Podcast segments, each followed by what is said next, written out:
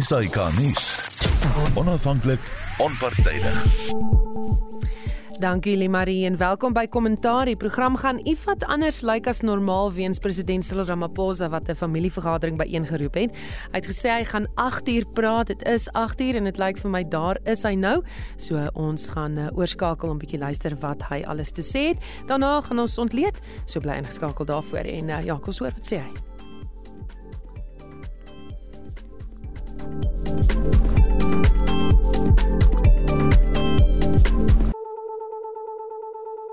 This evening, I wish to outline the critical actions that government is taking and the work that has already been done to give effect to the Commission's recommendations and forever bring an end to state capture in our country. This was no ordinary commission of inquiry. It was a commission whose work will have a lasting impact on our democracy and our country and its people.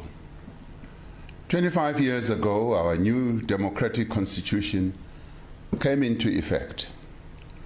As we celebrated this fulfillment of the struggle of the people of South Africa for democracy and peace and freedom, few people could have imagined the depths to which our country would be dragged by greed, selfishness, and the abuse of power. Few people could have imagined that from among the leadership of our public institutions, from within our business circles, from among our public representatives and public servants, would emerge a network of criminal intent. Few could have imagined that this group of people would infiltrate key departments of government, state owned enterprises, private companies, law enforcement bodies, and security services to loot vast amounts of public funds, that they would weaken and destroy state institutions and thus undermine the capacity of the state. The corruption that was perpetrated in our country is a crime against the people of South Africa. Corruption is a betrayal of our democracy, and it is also an assault on the institutions that we established together to advance the values of our Constitution and the interests of our people. The money that was stolen robbed our people of resources that should have led to the development of our country and improved the livelihoods of our people. Yet, even as state capture and corruption sought to compromise our democracy and destroy our institutions, our democracy remained resilient and the people of South Africa stood firm, defiant, and resolute. Despite our achievement at bringing state capture to an end, its effects remain. The difficulties and challenges our country is facing today have many causes, but state capture made a substantial contribution to many of our challenges. When we do not have enough locomotives to carry goods to our ports, when our power stations fail, when our national airline closes routes and cancels flights, when the employees of a state owned enterprise are not paid, and when our security services are slow to respond to public unrest, we feel the hand and effects of state capture. We see the effects of state capture in other areas as well. In our weakened institutions, in the substantial public debt of some of our institutions, in poor service delivery, and in diminished public confidence in the state. The Commission's report notes that state capture was facilitated by a deliberate effort to subvert and weaken law enforcement and intelligence agencies so as to shield and sustain illicit activities, avoid accountability, and to disempower opponents. That is why, even as the State Capture Commission was being appointed in 2018, this administration was taking decisive steps to end state capture and rebuild our institutions. Since the start of 2018, we have appointed new leadership at the Hawks, an institution that was targeted for weakening, which has since then secured 4,500 convictions for corruption and other priority crimes. The National Prosecuting Agency was another institution that was deliberately weakened. We have appointed a new National Director of Public Prosecutions on the recommendations of an independent panel following a transparent public process. We established the NPA Investigating Directorate to prosecute state capture and other significant corruption cases. And now, to further strengthen existing anti corruption capabilities, the Investigating Directorate will be established as a permanent entity within the NPA. We appointed to the SIU Special Tribunal to expedite the recovery of stolen goods. Since its establishment, it has recovered over 8.6 billion rand. We undertook measures to end corruption and the politicization at state security agency. We amended the State Capture Commission regulations to enable the sharing of information and resources within the NPA and other state capture cases. We appointed new leadership at the South African Revenue Service, SARS, and are rebuilding the institution in line with the recommendations of the Nugent Commission, which were also endorsed by the State Capture Commission. As a result of these efforts, several major state capture and other serious corruption cases have been brought to court. Yesterday, I submitted to Parliament the Cabinet's response to the findings and recommendations of the Commission of Inquiry into State Capture in fulfillment of an order by the judiciary. The submission of this response is a firm and clear indication of the primacy of the rule of law and a demonstration of our democratic system at work. This response constitutes an ethical, moral, and institutional departure from the abuses revealed by the State Capture Commission. This response is also intended to be a platform to mobilize all sectors of our society against fraud, corruption, and state capture now and into the future. We are submitting this response to Parliament six years to the month since former public protector advocate Thuli Madonsela released her State of Capture report. The public protector's State of Capture report related to an investigation into complaints of alleged improper and unethical conduct by several state functionaries and private individuals and companies. Having witnessed the proceedings of the State Capture Commission, which were public for all to see, for close on to four years, you, the people of South Africa, naturally seek restoration, redress, and accountability. You expect your country's economy and its state to be ethical and free of corruption as it serves your needs and the broader interests of all our people.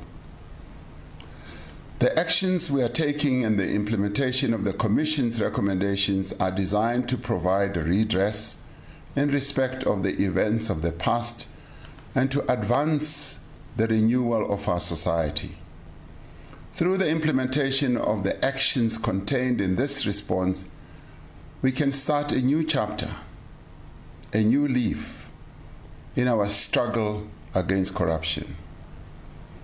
We are indebted to the many courageous and brave whistleblowers who brought various allegations of fraud and corruption to the attention of the public protector and those who gave evidence to the State Capture Commission.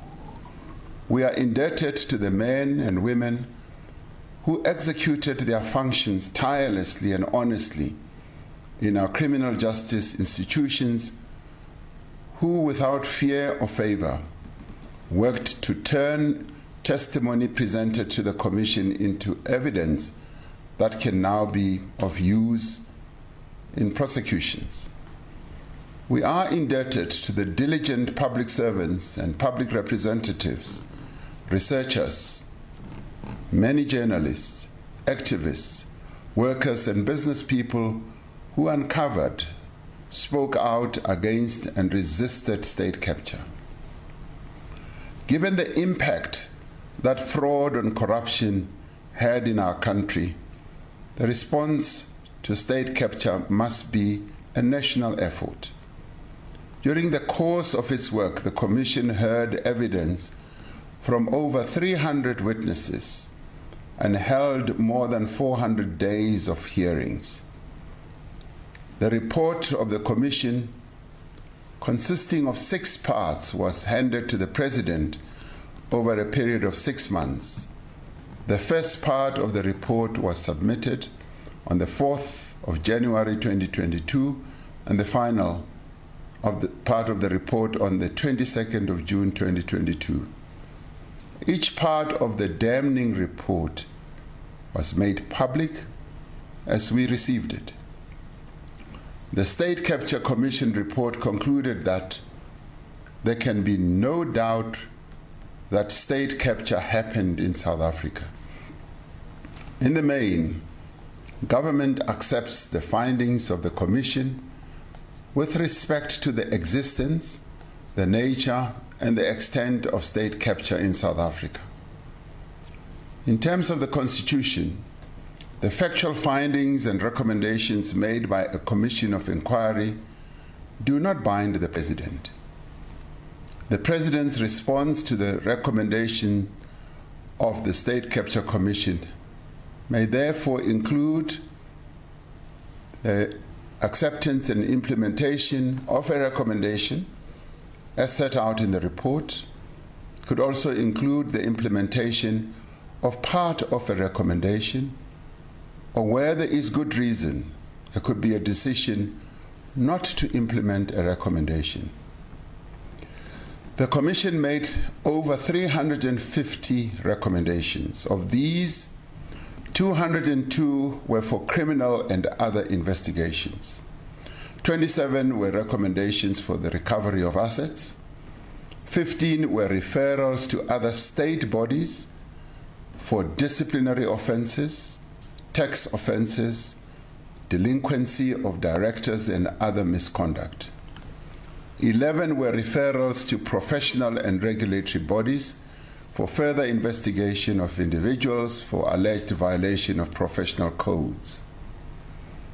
Five recommendations propose constitutional changes. 26 recommendations propose legislative changes and there were 64 recommendations requiring operational or regulatory changes.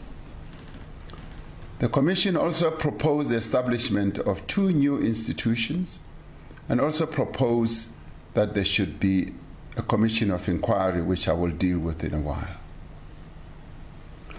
The recommendations were directed at several institutions, both within the state and more broadly in society. The presidency, in acting on this, sent copies of the report for consideration and action to the following bodies.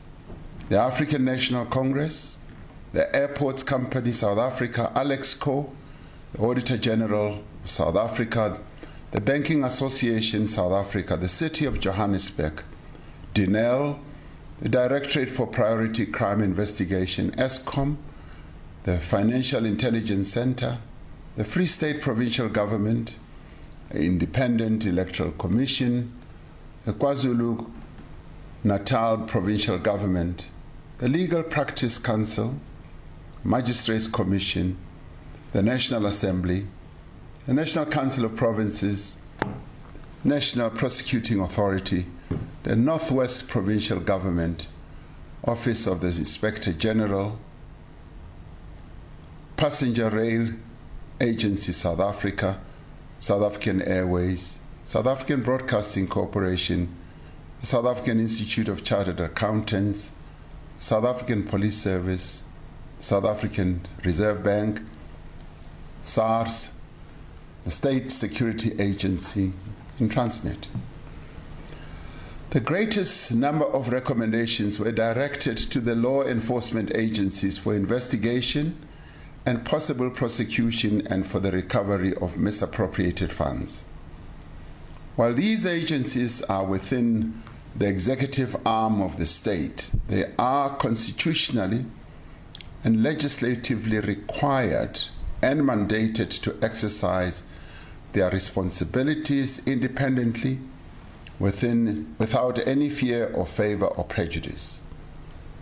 Since the start of the work of the Commission, significant resources have been made available to build and to rebuild the capacity and capability of law enforcement agencies to respond effectively to the findings and recommendations of the State Capture Commission.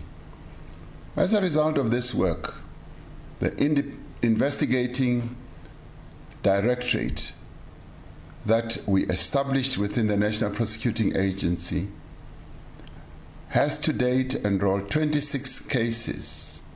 It has declared 89 investigations and 165 accused persons have appeared in court for alleged state capture related offenses. Our law enforcement agencies have to date been granted freezing or preservation orders to the value of 12.9 billion rand. A total of 2.9 billion rand has been recovered and returned to the affected entities, and SARS has collected 4.8 billion rand in unpaid taxes arising from the work of the Commission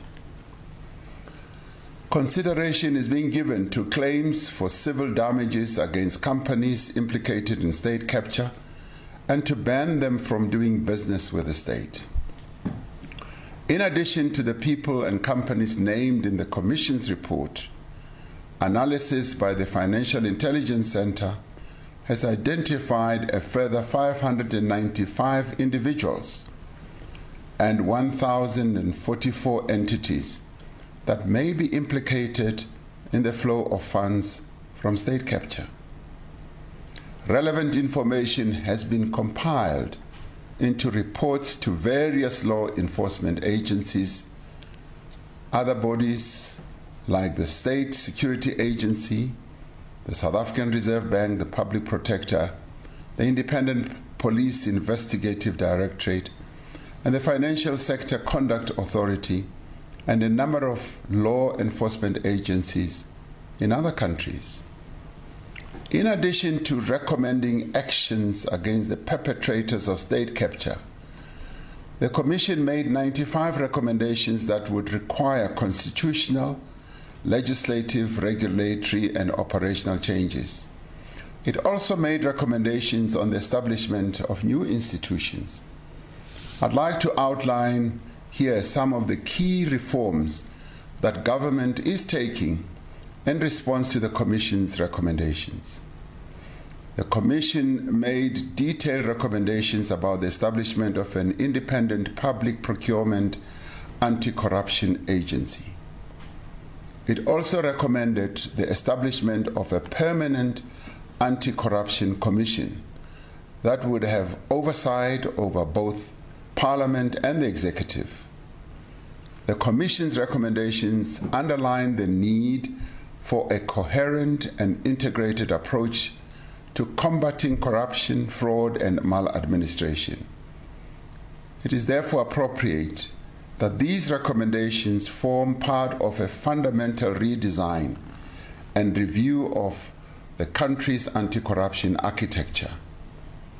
Based on the advice of the recently appointed National Anti Corruption Advisory Council and the outcomes of a review of our anti corruption architecture by the Department of Justice, a comprehensive proposal on an effective and integrated anti corruption institutional framework will be produced for public consultation, finalization, and implementation. To address concerns about the independence of the NPA, legislative amendments will introduce greater transparency and consultation in the selection and appointment of the National Director of Public Prosecutions. This will draw on the process that we adopted for the selection of the current NDPP. The State Capture Commission made several detailed recommendations with respect to procurement reform, which we support and accept and are working to put into effect. The abuse of the procurement system was one of the main ways that taxpayer funds were illicitly diverted to private interests instead of providing value to the people of our country. The public procurement bill, which is expected to be finalized and submitted to Parliament by March 2023, will address many of the Commission's recommendations. These recommendations include the introduction of a code of conduct setting out the ethical standards for procurement, protecting accounting officers from criminal or civil liability for acting in good faith, harmonization of public procurement legislation, making procurement more transparent, and establishing a professional body for public procurement officials. As recommended by the Commission, lifestyle audits for the President, Deputy President, Ministers, and Deputy Ministers is being managed by the Director General in the Presidency and undertaken by an independent external service provider.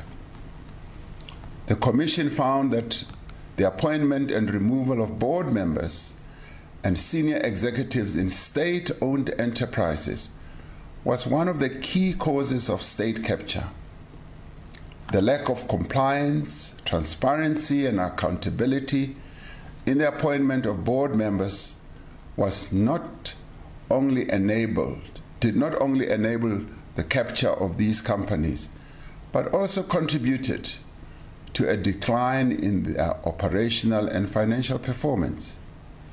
That is why government accepts the Commission's recommendations on the need for a process for the appointment of boards of state owned enterprises that is not open to manipulation. This would include the involvement of independent panels with appropriate technical expertise to recommend suitable candidates to the relevant minister. No board member will be allowed to be involved in procurement processes, as has happened during the state capture period, beyond playing an oversight role.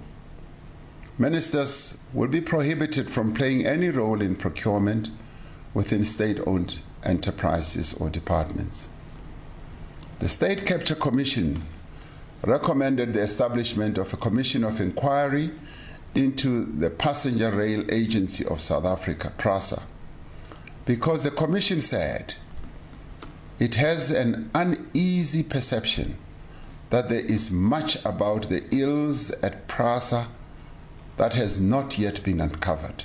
Close quotes. Our view is that the establishment of a further commission of inquiry into PRASA must be considered against existing initiatives that are probing the collapse of PRASA. There are currently investigations into PRASA by the Hawks and a wide ranging probe by the Special Investigating Unit, including investigating governance and maladministration. I'd like to wait the outcome of those investigations before deciding on the establishment of a commission of inquiry. The State Capture Commission also exposes the central role that private sector actors played in state capture, both through direct involvement in procurement corruption, fraud, and money laundering, but also in weakening institutions that stood in the way of state capture. These perpetrators included management consultants, both local and foreign, advisors, accountants, auditors, lawyers, bankers, as well as providers of goods and services, including large multinational firms.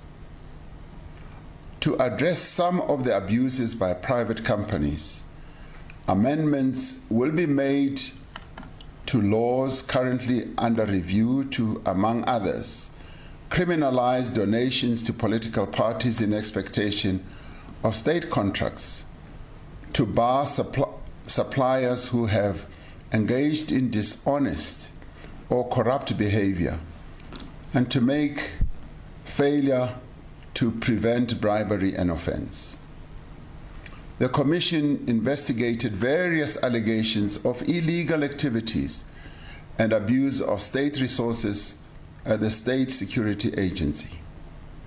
The Commission found that weaknesses in our intelligence services regulatory framework made them particularly vulnerable to abuse for political and personal gain.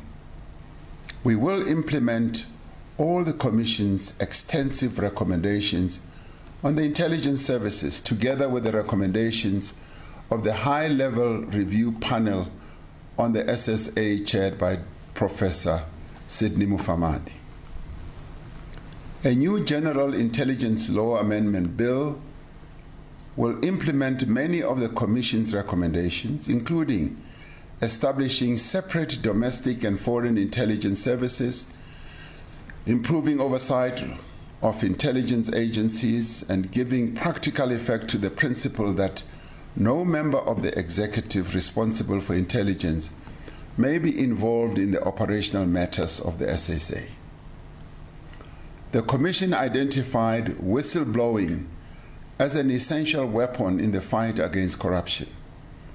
The actions of whistleblowers have played a vital role in exposing many of the activities that were part of state capture. Whistleblowers need to be encouraged to report instances of fraud and corruption and need to be protected from victimization, prejudice, or harm. The Department of Justice is reviewing the Protected Disclosures Act and Witness Protection Act to give effect to the Commission's recommendations on the protection of whistleblowers. This will ensure, among others, that whistleblowers receive the protections afforded by the UN Convention Against Corruption and that whistleblowers have immunity from criminal or civil action arising from honest disclosures. The Commission made recommendations for the consideration of far reaching reforms to the country's electoral system. These reforms include the direct election of the president by the population and the adoption of a constituency based but still proportionally representative electoral system. These proposals are meant to address weaknesses in the ability of Parliament and its elected officials to provide sufficient oversight to prevent state capture. Due to the far reaching consequences of the recommendations on the electoral reform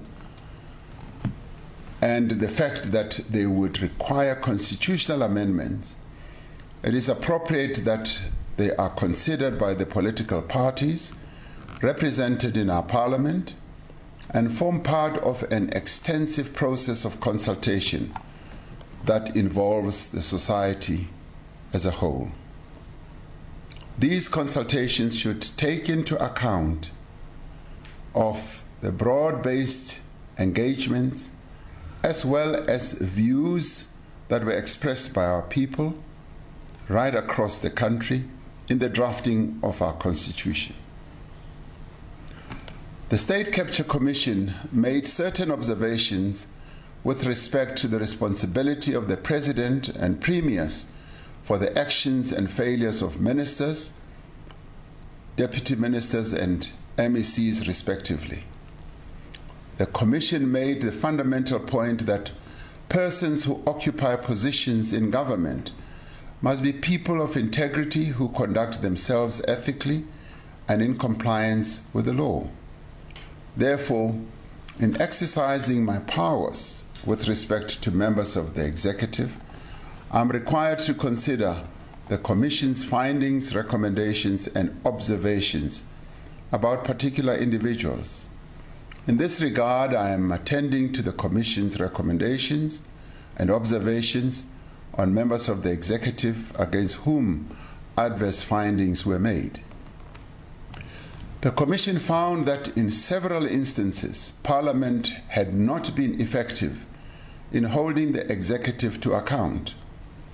It made several recommendations to remedy the shortcomings that it identified. Some of these recommendations had to do with Parliament's internal arrangements, such as the chairing of portfolio committees, while others related to Parliament's interface with the executive and how to ensure that ministers account to Parliament fully and regularly. In giving consideration to these recommendations, we are mindful of the separation of powers and the right of Parliament to determine its own rules and arrangements within the provisions of our Constitution. In this regard, Deputy President David Mabuza, who is the leader of government business, will interact with Parliament's presiding officers on the Commission's recommendations on the interface between Parliament and the Executive. To ensure that Parliament is sufficiently resourced to hold the Executive to account, the National Treasury will engage with Parliament to determine the most appropriate way to give effect to the Commission's recommendations on the funding of Parliament.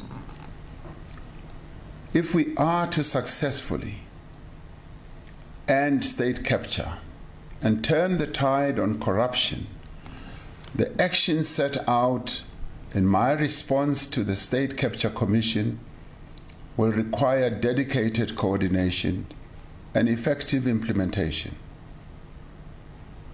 this regard, I've directed various departments in government, ministers, to ensure that there is full implementation. Progress will be closely monitored and regularly communicated. All sections of society will also be engaged and involved in the implementation of the actions to give effect to the recommendations of the Commission.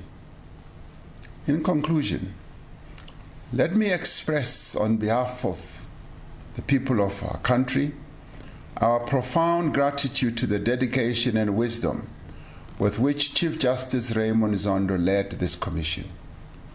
We once again extend our gratitude to the Secretary of the Commission, the heads of the investigation and legal teams, the evidence leaders, the researchers, and other Commission staff. We recognize the contribution of the former public protector advocate Thuli Madonsela, whose initial investigation into allegations of state capture laid the foundation for the establishment of the State Capture Commission. The submission of this response to Parliament gives full effect to the remedial actions contained in the Public Protector's report of November 2016. While it marks the end of a chapter in our country's history, the hard work to restore our country, repair our institutions, and rebuild our trust in each other still lies ahead. This administration is firmly committed to undertake this task to combat corruption in all its forms, in every part of government, and in every sphere of the state. Where corruption has occurred, for example, in the procurement of the COVID 19 related goods, we have acted swiftly to prosecute those responsible and recover stolen funds.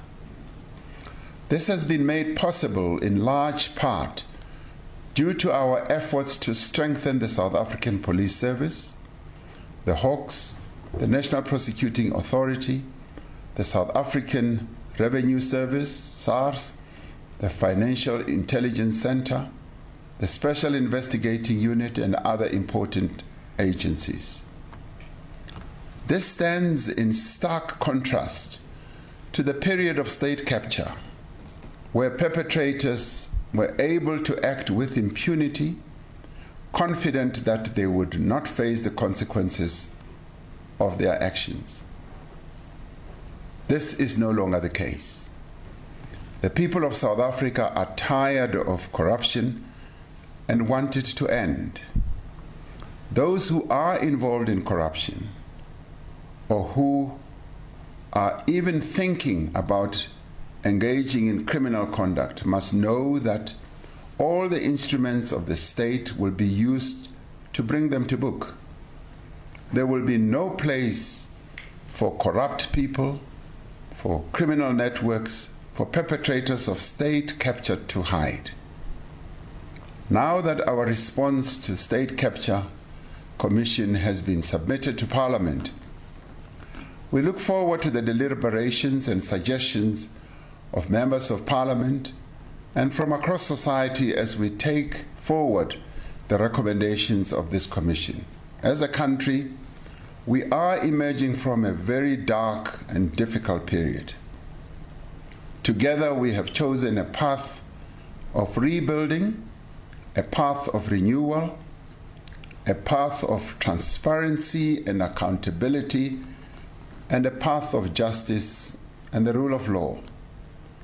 I have every confidence that no matter the challenges, we will walk this path together and we will prevail because we are South Africans. I thank you. May God bless South Africa. En in die stem van president Cyril Ramaphosa wat gepraat het oor die stappe wat nou geneem gaan word om die aanbevelings soos uiteengesit deur die Zondo-kommissie van ondersoek na staatskaping um, om korrupsie en staatskaping stop te sit en te verhoed. Nou net hierna gaan my gaste wat saam geluister het 'n bietjie gesels oor hierdie toespraak. My gaste hier in kommentaar vanaand professor Dirk Coetzee, politieke ontleder van Unisa.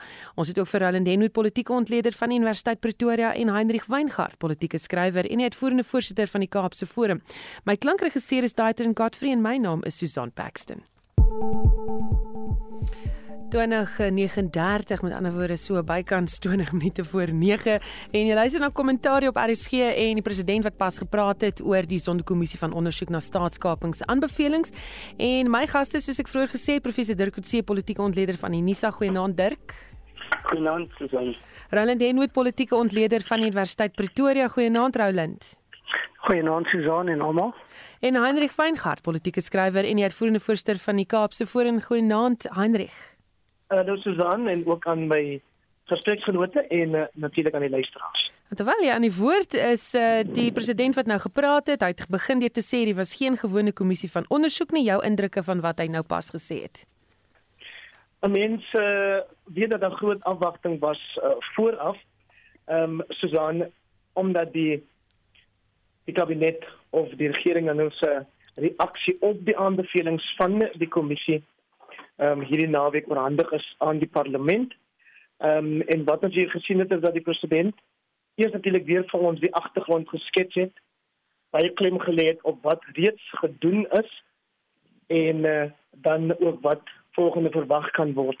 So dit is te verwelkom dat hy spesifiek ook gepraat het oor die rol van vletjieblassers en daarbey die joernaliste en aktiviste ingesluit wat natuurlik hierdie stryd help voer teen staatskaping. Dit was ook opvallend dat hy advokaat Tuli Madonsela se kan hy meer dit 'n kandla verslag genoem het as 'n soort van die spulpunt of die die afskop um, van wat ons nou ken as die sondekommissie na staatskaping en uh, ons gaan sekerlik nog 'n bietjie daaroor praat later maar dat het die vraag by my geopper of hierdie toespraak 'n reaksie was op uitsprake die afgelope naweek byvoorbeeld deur drie van uh, president Ramaphosa se voorgangers en dan spesifiek die persoon wie hy oorgeneem het Jacob Zuma. En of Jacob Zuma se toespraak op sy media konferensie ehm uh, Vrydag dalk 'n uh, 'n manier was deur hom om finansiële toespraak vooruit te probeer loop met sy eie herhaling eintlik maar van 'n klomp beskuldigings waarmee ons nou goed vertroud is. Hmm. Roland, uh ja, jou reaksie op die op die toespraak en die die punt wat Heinrich nou gemaak het want dit is ook nogal iets wat by my uitgekom of opgekom het is was die toespraak van um, ou president Jacob Zuma, jy weet al 'n voorloper om weer, jy weet, sy kant van die saak te stel. Ja, ek dink as ons eers net kyk na die aankondigings of die reaksies van die regering rondom die sondekommissie baie gedetailleerd in terme van die goed wat gesê is wat die kommissie uitgelig het minder detail in terme van die regering. En mense verstaan dat dit is nie die plek om al die detail te gee nie. Daar's ook besluite wat nie deur die president geneem kan word nie wat 'n proses gaan vereis wat die parlement en ander rolspelers gaan vereis. Maar ek dink en daar's vir my twee aspekte miskien wat uitstaan. Die eerste rondom die regering se hantering Hy het baie duidelik gestel dat daar sake wat die regering kan volg of gedeeltelik kan volg of nie kan volg nie.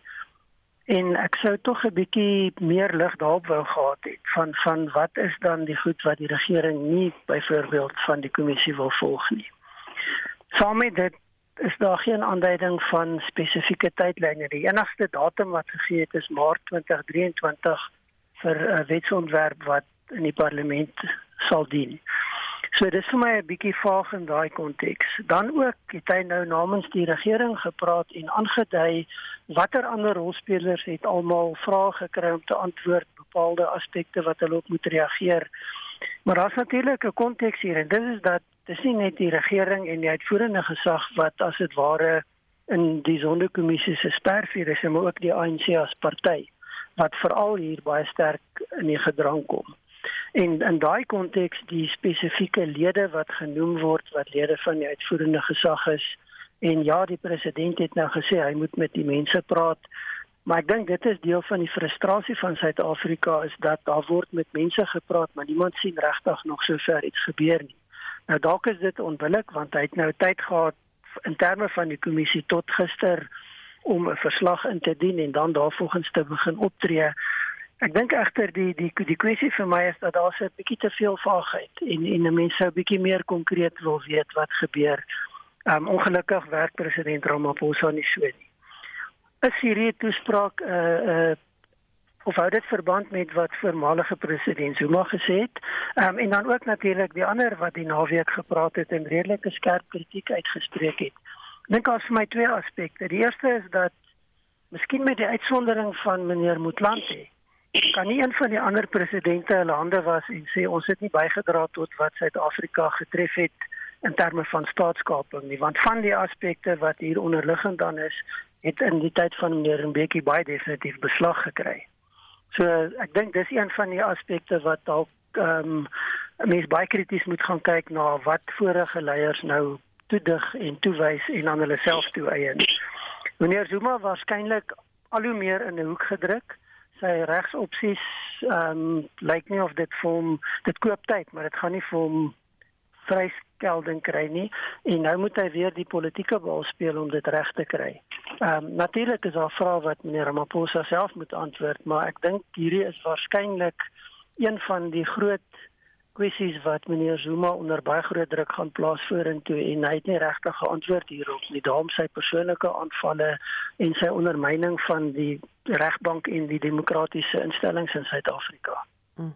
Dirk Ja, ek dink die minister het nou reeds gesê, ehm um, die die uh, toespraak dink ek is in twee gedeeltes. Die eerste gedeelte gaan oor uh, die aanbevelings wat te maak het met die verskillende persone en instellings wat uh, soos die staatsondersteunende on, uh, ondernemings um, en die persone wat daarbey betrokke is en waarvan ons nou al redelik baie gesien het en sommige het in die hof verskyn het en die rol wat die verskillende instellings soos die nasionale vervolgingsgesag en volke en SARS en anders gespeel het. En dan die tweede gedeelte gaan oor die 95 aanbevelings soos president Ramaphosa dit noem. oor nuwe instellings of veranderings in die instellings, staatsinstellings. En ek dink dis interessant om veral daarna te kyk omdat dit die uh, die minder aandag gekry het dusver in die laaste volume van die sondekommissie um, wat net bestaan uit instellings vul dit 'n redelike groot gedeelte van die finale van die finale gedeelte van die verslag. Ehm um, maar dit het nie in die openbaar baie aandag getrek nie. En ek dink hy het vanaand redelik aandag daaraan gegee en die feit dat dit veral baie konsentreer op die gedeelte van uh van staatsinstellings wat te maak het met die aankope en die en die uh, kontrakte toeken. Ehm um, en dat dit ehm um, geprofessionaliseer moet word dat daar groter wigte en teenwigte geskep moet word dat daar meer wetgewing moet wees om dit te reguleer. Ehm um, en dat ek dink wat nog saam daarmee kom is dan ook die die aanstelling van rade.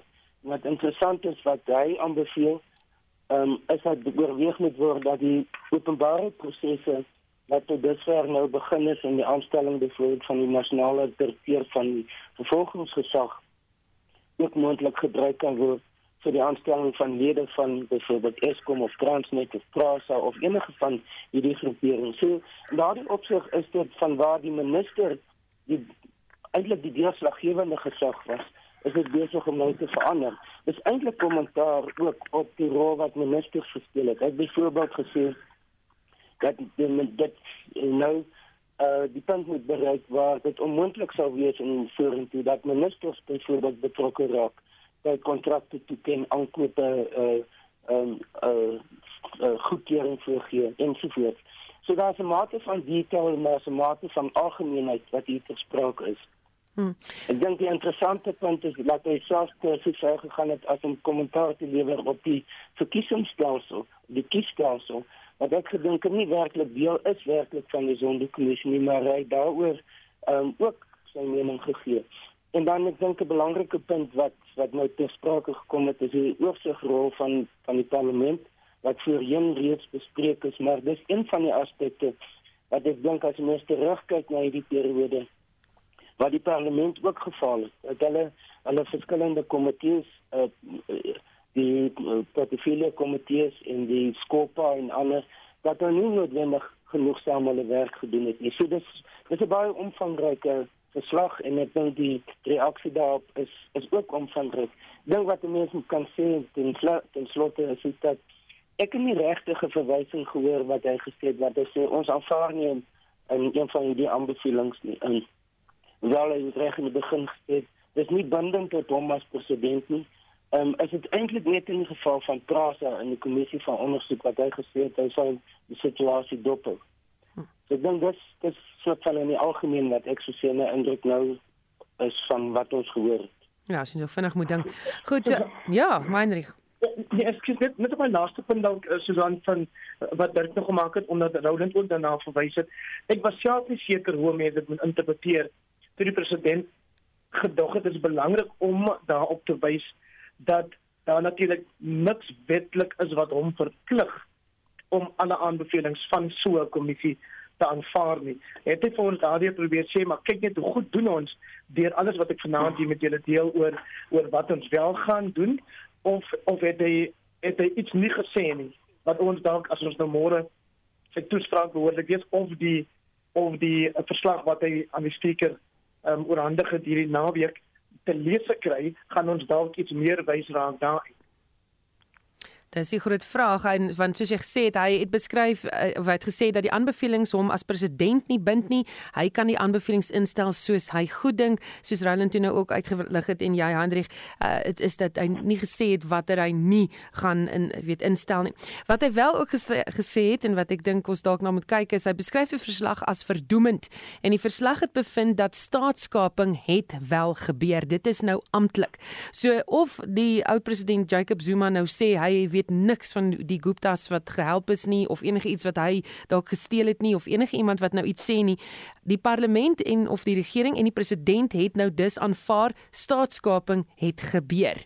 Roland Ja, ongetwyfeld en ek dink dit het nogal redelike groot implikasies want daar's nie nou meer 'n debat oor het dit gebeur, wat het gebeur en enige ehm um, grysgebiede wat 'n mens miskien agter kan gaan skuil nie. Die die aanvaarding daarvan is ontsettend belangrik en dan ook die die die konteks wat die president skep deur terug te verwys na die verslag wat ingedien is die feit dat hy dit onmiddellik openbaar gemaak het en en mense het dit daai tyd uitgewys dit bly baie belangrik want dit beteken daar's niks wat op die stadium nie bekend is wat met die sondekommissie verband hou en wat nie deur die ondersoeke gedek is met bewyse nie. Ehm um, dit wat nie volledig genoeg gedek is nie is alles verwys en my indruk is dat die president akkoord gaan en dat hierdie ondersoeke wat aangedui is as wat moet gebeur definitief voortgaan en dat daar verdere gevolge daarvoor gaan wees. So nie net 'n staatskaping aanvaar nie, maar die kommissie se aanbevelings rondom persoonlikhede en verdere ondersoeke is aanvaar. En en dan Dirk het die punt gemaak die die die Prasa verwysing, dis nie dat daar niks gebeur nie. Daar's belangrike ondersoeke wat aangaan.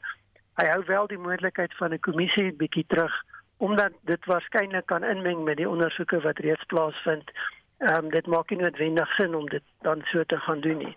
Maar ek dink dit is nogal belangrik dat 'n mens gaan kyk na die feit dat hierdie word nie meer gedebatteer nie. Daar gaan gevolge wees. Die president het nou nie detail gegee nie, maar hy het baie duidelik te kenne gegee dat mense wat in die kabinet sit en wat in die uitvoerende omgewing van die regering sit, die individue wat verwys is, het hy 'n bepaalde verantwoordelikheid en hy gaan daaraan aandag gee. Ehm um, so ek dink die verwagting wat hy skep is dat daar verdere optrede en gevolge gaan wees wat mettertyd sigbaar sal raak. Hm. Dirk, um, gepraat van die optrede en gevolge, ons het die week gesien dat by Eskom se klomp werkers vasgetrek vir oortredings, deel was van korrupsienetwerke. Sou hierdie dalk deel wees van die optrede? Ja, ek dink so. Um, en ek dink in die optrede byvoorbeeld teen die die top 5 van tra, uh, Transnet uh die Eisnagesule en ander in die Vrystaat sake. Hy, hy praat van 156 sake wat daar reeds of mense wat reeds aangekla is.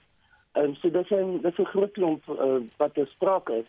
En ek dink wat hier te sprake kom is eintlik die openbare simboliek, um, want die publiek soek uh voorbeelde van hoë profiel mense wat aangekla moet word of wat hulle wil hê nie aangekla moet word.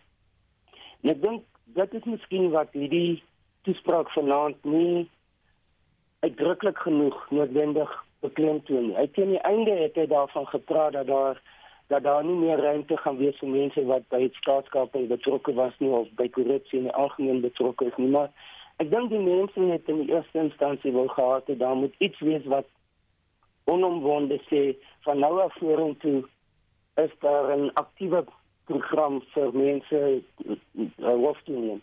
Ehm um, dit is natuurlik 'n oorvereenvoudiging van so so 'n situasie. Maar ek dink dit wat die openbare opinie in 'n groot mate verwag het. Ek dink ook die feit dat hy 'n verwagting geskep het van vroeër af deur te sê hy gaan eers deur al die verskillende uh, volumes van die verslag werk en dan by die geleentheid wat nou hierdie naweek is, gaan hy die die reaksie van die regering en die ANC gaan ook hulle reaksie as party dan uh, bekend maak. En uh, so dit was verdant was die groot geleentheid daarvoor gewees. En ek dit sou interessant wees om te sien wat die openbare reaksie is want dit was gevul met detail oor wat gedoen moet word maar in terme van openbare kommunikasie is dit moontlik dat dit nie daai effek gehad het nie Hm. Hendrik, um, so heel aan die begin het Ramaphosa gesê min mense kon indink in die leierskap van staatsinstellings en sakekringe dat so 'n netwerk van misdadigheid kon ontstaan. Min kon hulle verbeel dat hierdie groep mense seteldepartemente, staatsondernemings, private ondernemings en die veiligheidsdienste sou infiltreer om openbare geld te plunder en staatsinstellings te verswak. Is 'n interessante stelling wat hy gemaak het. Dit is so Susan en ek het nou gedink net vinnig um die president het natuurlik vanaand gepraat as die staatshoof, né? En nie as ANC leier nie. En daarom kon hy homself wil ek amper sê beskerm of vrywaar van sekere goed deur dat hy as die president geantwoord het of ons toegespreek het. As hy dit vanaand as ANC leier gedoen het, dan wonder ek of ons dan bietjie meer sou hoor van wat Roland en Dirk nou ook gesê het, I mean dalk sou wou wees of sou ons dan juist nie gehoor het nie omdat laat ons nie vergeet nie regter Zondo in sy verslag wys ook vinger na Cyril Ramaphosa as 'n ANC leier en sy eie deelname hoe gering ook al of goedkeuring hoe vaag ook al um, van staatskaping wat plaasgevind het en hy het voor die kommissie gaan verduidelik hoekom hy nie gedink het hy moes ehm um, daaroor uitpraat of dat dit um, sou wees om te bedank as 'n jong president nie want dit sou dalk net 'n groot koerant opskrif gewees het maar nie werklike einde gebring het aan staatskaping nie. Hier is jou dilemma. As die president praat oor mense wat staatsinstellings geïnfiltreer het of enige staatsdepartemente geïnfiltreer het, ons weet die meeste van daai mense, indien nie almal nie, is kaders wat ontplooi is. En daar lê die groot probleem vir die ANC of vir Cyril Ramaphosa wanneer hy praat oor staatskaping. Ehm um, dit is nie asof mense daarvan buite af op 'n geheime manier ehm um, as jy praat van van amptenare of jy praat van polit politici wat betrokke is nie. Gaan kyk na wie hulle is en vra hoe hulle daar gekom.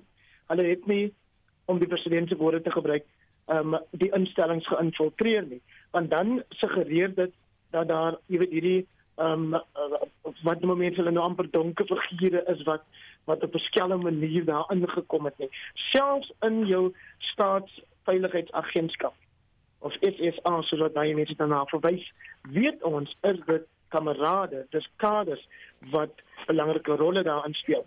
Maar opvallend dan en baie belangrik, hmm. die president byvoorbeeld in sy toespraak ingesluit dat daar 'n einde gebring moet word aan ministers wat operasioneel betrokke raak by 'n instelling soos die SSA. Daar sien dit ongelukkig alwaar vir tyd het vanaand môre in monitor tussen 6 en 7 gaan ons verder kyk na die toesprake om ontleed. Baie dankie dat julle deelgeneem het vanaand. My gaste, soos jy gehoor het, was Heinrich Weingart, politieke skrywer en die uitvoerende voorsitter van Kaapse Forum. Ons het ook gehad vir Roland Henwood, politieke ontleder van die Universiteit Pretoria en professor Dirk Coetzee, politieke ontleder van Unisa. My klankregisseur vanaand is Daitrin Godfrey. My naam is Susan Paxton. Geniet jou aand in die geselskap van RSG.